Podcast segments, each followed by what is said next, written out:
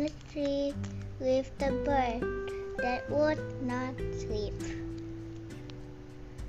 I'm not tired, said the bird as the sun goes down and the moon went up. Sleep, said the moon. I want you, you're just a baby bird. But the bird said, But I'm not tired.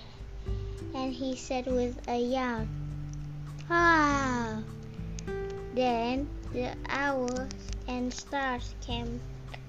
Sleep, said the owl. Uh, the bird said one last time, but I'm not tired. Then he snuggled and he snored and he snored and he snored. The.